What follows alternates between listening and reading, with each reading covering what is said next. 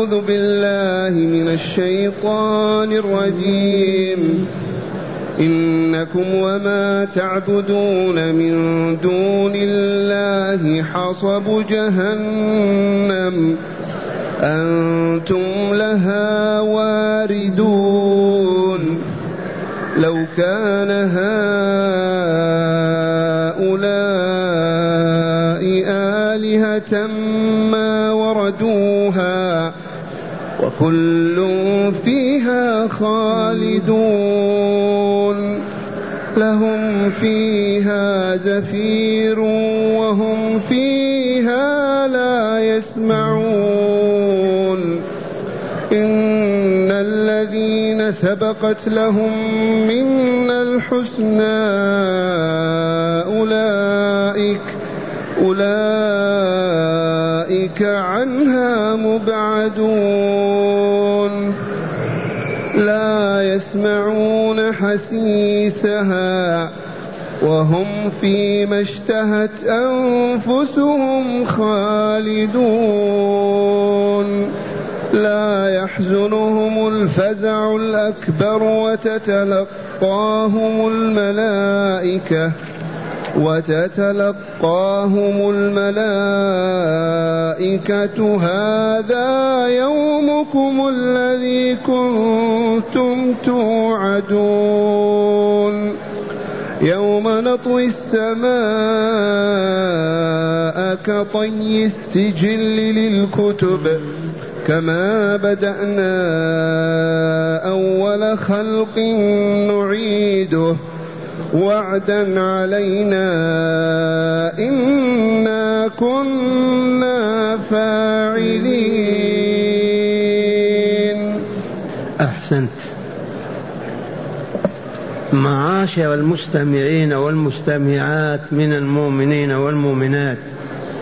قول ربنا جل ذكره إنكم وما تعبدون من دون الله حصب جهنم أنتم لها واردون. هذا الكلام موجه إلى من؟ موجه إلى المشركين من قريش في ديار مكة. إذا الصورة من أولها معهم. ولكن كل مشرك في أي زمان كان أو مكان يدخل في هذا السياق. إنكم أيها المشركون وما تعبدون من دون الله من أصنام وأوثان الكل حصب جهنم وقرأت عائشة وعلي حطب جهنم. قرأت عائشة أم المؤمنين وقرأ علي بن أبي طالب حطب جهنم. إلى أن الحصب أعم من الحطب. كل ما توقد به النار حصب. هذا الخبر الإلهي هو حكمه قضى به. إنكم وما تعبدون من دون الله حصب جهنم. جهنم أنتم لها واردون. تريدونها وتدخلون فيها وتستقرون فيها. فلهذا يجب أن نطهر عقيدتنا ونصفيها تصفية كاملة من الالتفات إلى غير الله. ما لنا من إله نعبده إلا الله. لأن الشرك شرك من وقع فيها أهلكته. ومعنى هذا لا ندعو إلا الله ولا نرهب ولا نرغب إلا في الله ومن الله. حياتنا وقف على الله عز وجل. قل إن صلاتي ونسكي ومحياي ومماتي لله رب العالمين لا شريك له وبذلك أمرت وأنا أول المسلمين. قال تعالى لو كان هؤلاء آلهة هؤلاء الأصنام والتماثيل التي يعبدونها من دون الله لو كانوا آلهة يحيون ويميتون يعزون ويذلون يعطون ويمنعون ما وردوها. والله ما يريدون النار ولا يدخلونها ولكنهم ليسوا بآلهة. بل أصنام وتماثيل يعبدونها. وكل فيها أي في جهنم في النار خالدون العابدون والمعبودون. الأصنام وعابدوها التماثيل والصور وعابدوها الكل في جهنم. كل فيها خالدون لا يخرجون أبدا منها. إذ ما هناك نجاة لأهل الشرك والكفر أبدا يبقون في العذاب بلا نهاية. لهم فيها زفير لهم في النار في جهنم زفير. الزفير صوت يخرج من الصدر مع الأنين فوق ما تتصور هذا الصوت يقال فيه الزفير. لهم فيها أي في جهنم زفير وهم فيها لا يسمعون يفقدون السمع من شدة الآلام وتلوين العذاب. وذاك الزفير الخارج من صدورهم يصمهم يجعلهم ما يسمعون. ثم قال تعالى إن الذين سبقت لهم من الحسنى.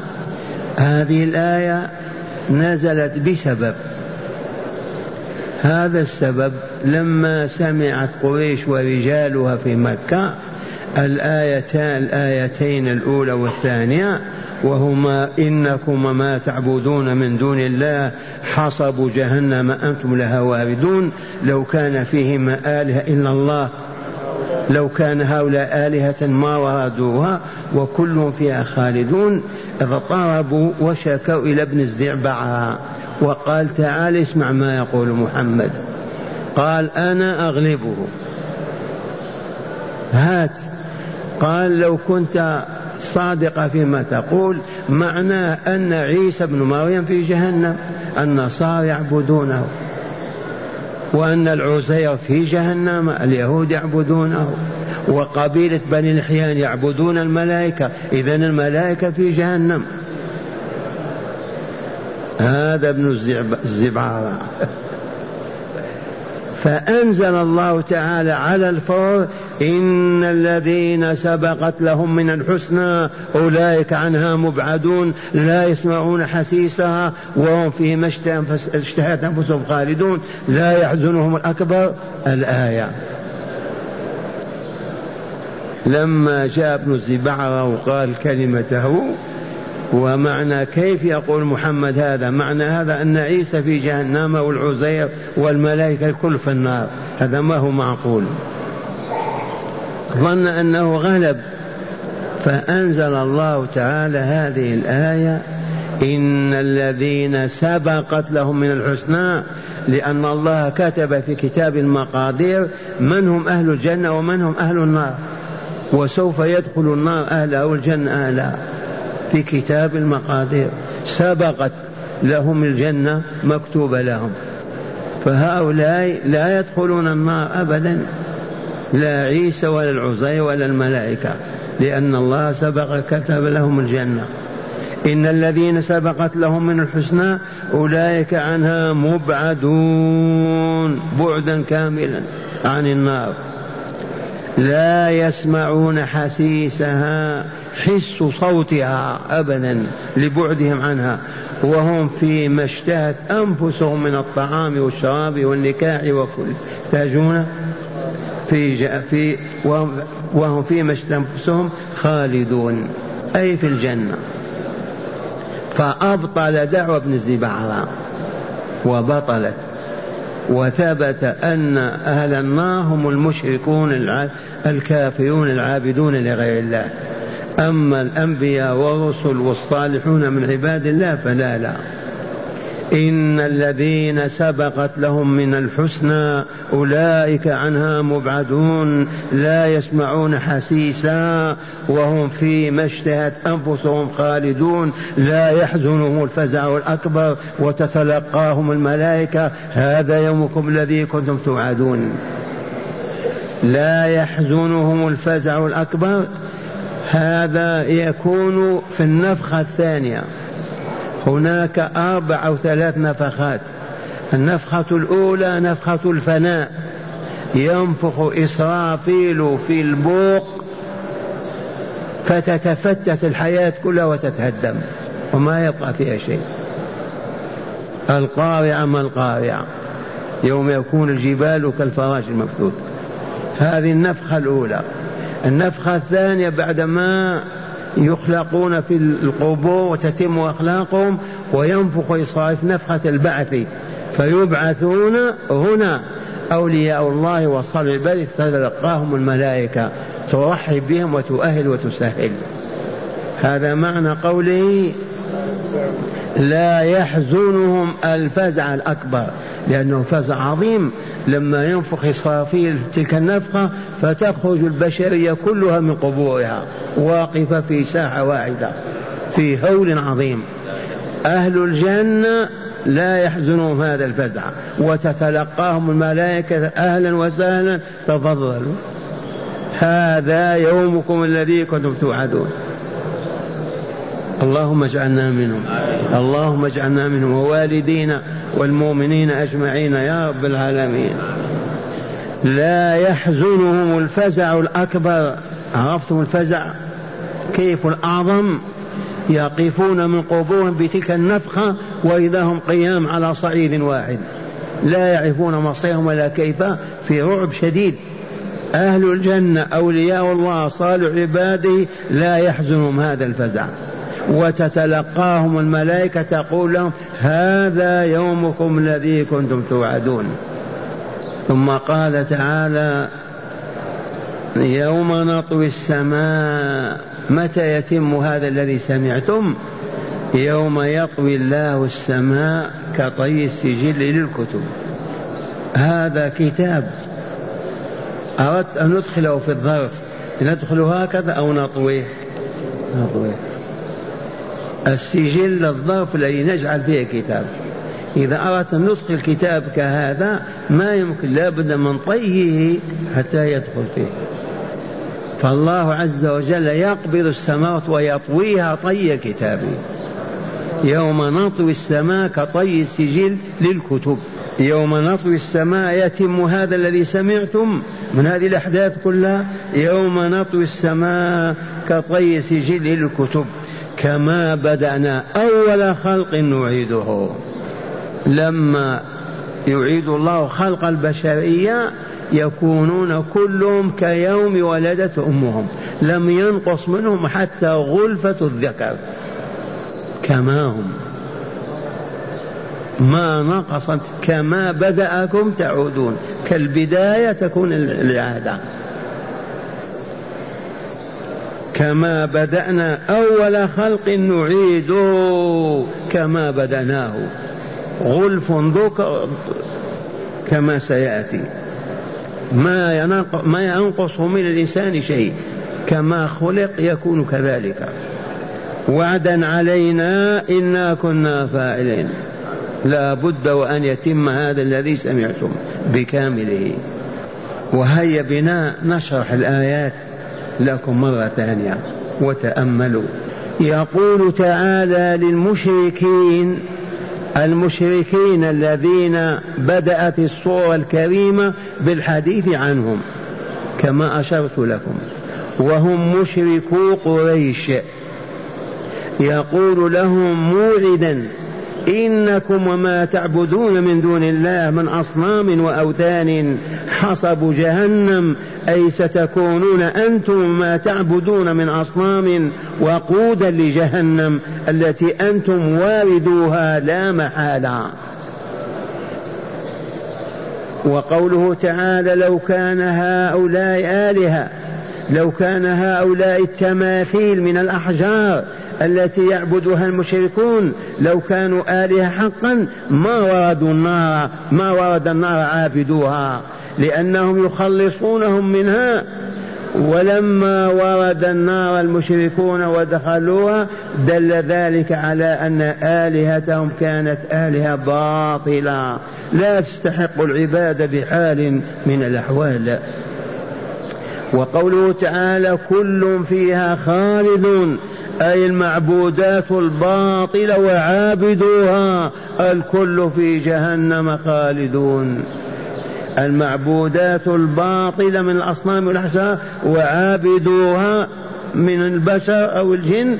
كل الكل في جهنم خالدون. وقوله تعالى لهم فيها زفير وهم فيها لا يسمعون. يخبر تعالى أن المشركين في النار. أن المشركين أن, المشرك أن للمشركين في النار زفيرا وهو الأنين الشديد من شدة العذاب وأنهم فيها لا يسمعون لكثرة الأنين وشدة الأصوات وفظاعة ألوان العذاب. وقوله تعالى إن الذين سبقت لهم من الحسنى اللهم اجعلنا منهم اللهم اجعلنا منهم أولئك عنها مبعدون.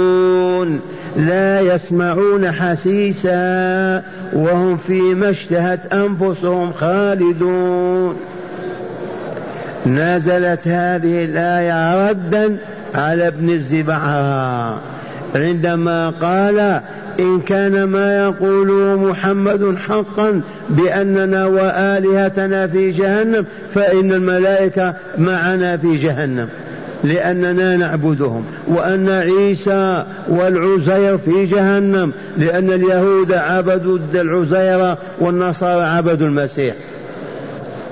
فأخبر تعالى أن من عبد, من عبد أن من عبد بغير رضاه بذلك وكان يعبدنا ويتقرب إلينا بالطاعات فهو ممن سبقت لهم من الحسنى بأنهم من أهل الجنة. هؤلاء عنها أي عن جهنم مبعدون.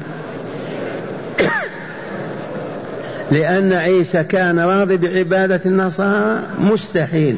هل عزير يرضى بعبادة النصارى؟ هل عبد القادر الجيلاني يرضى بعبادة الجهال يعبدونه بالدعاء والذبح والنذر؟ ما يرضى. لكن لو رضي معبود في جهنم. لكن حاش الملائكة والأنبياء والصالحون أن يرضوا لأنفسهم بعبادة غير الله.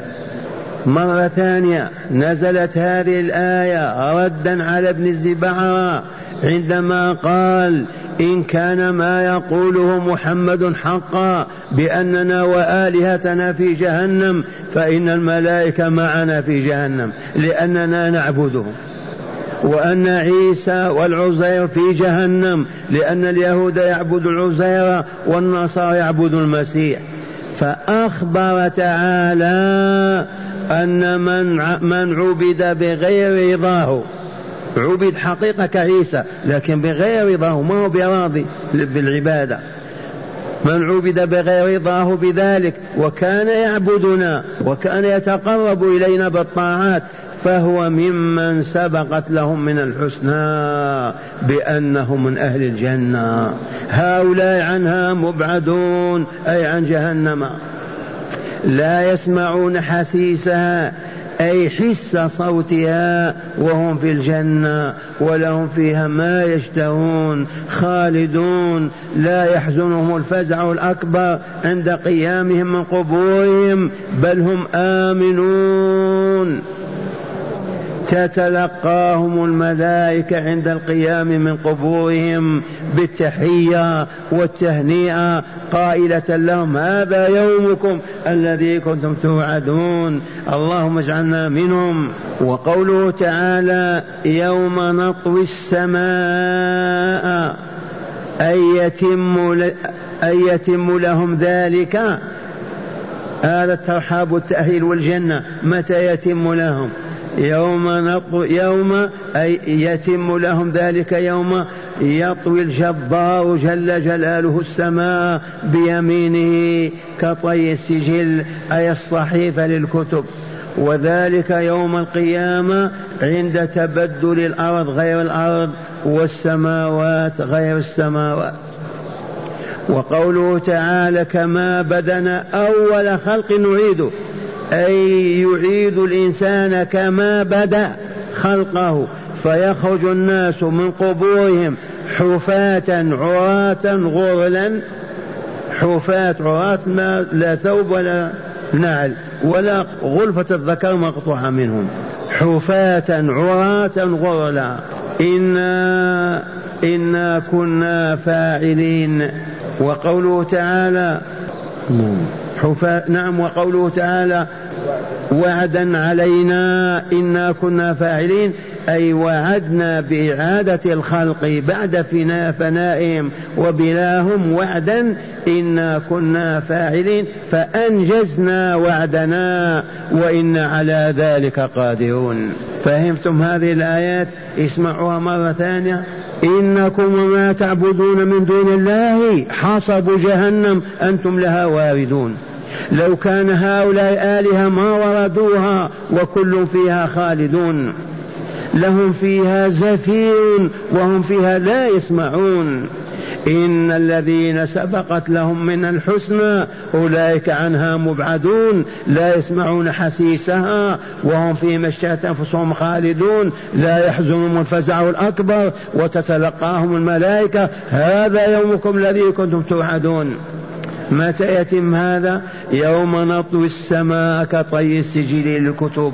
كما بدنا أول خلق نعيده وعدا علينا إنا كنا فاعلين. والآن مع هداية الآيات. يقول أحد الصالحين النساء يشتكين من عدم سماع هذا الدرس هذا الصوت. إلى من نشكو نشكو إلى المسؤولين. أيها المسؤولون في المسجد النبوي أرجعوا للنساء أصوات المدرسين فإن هذا واجبكم يجب أن تقوموا به. جزاكم الله خيرا. بسم الله الحمد لله. من هداية الآيات أولا.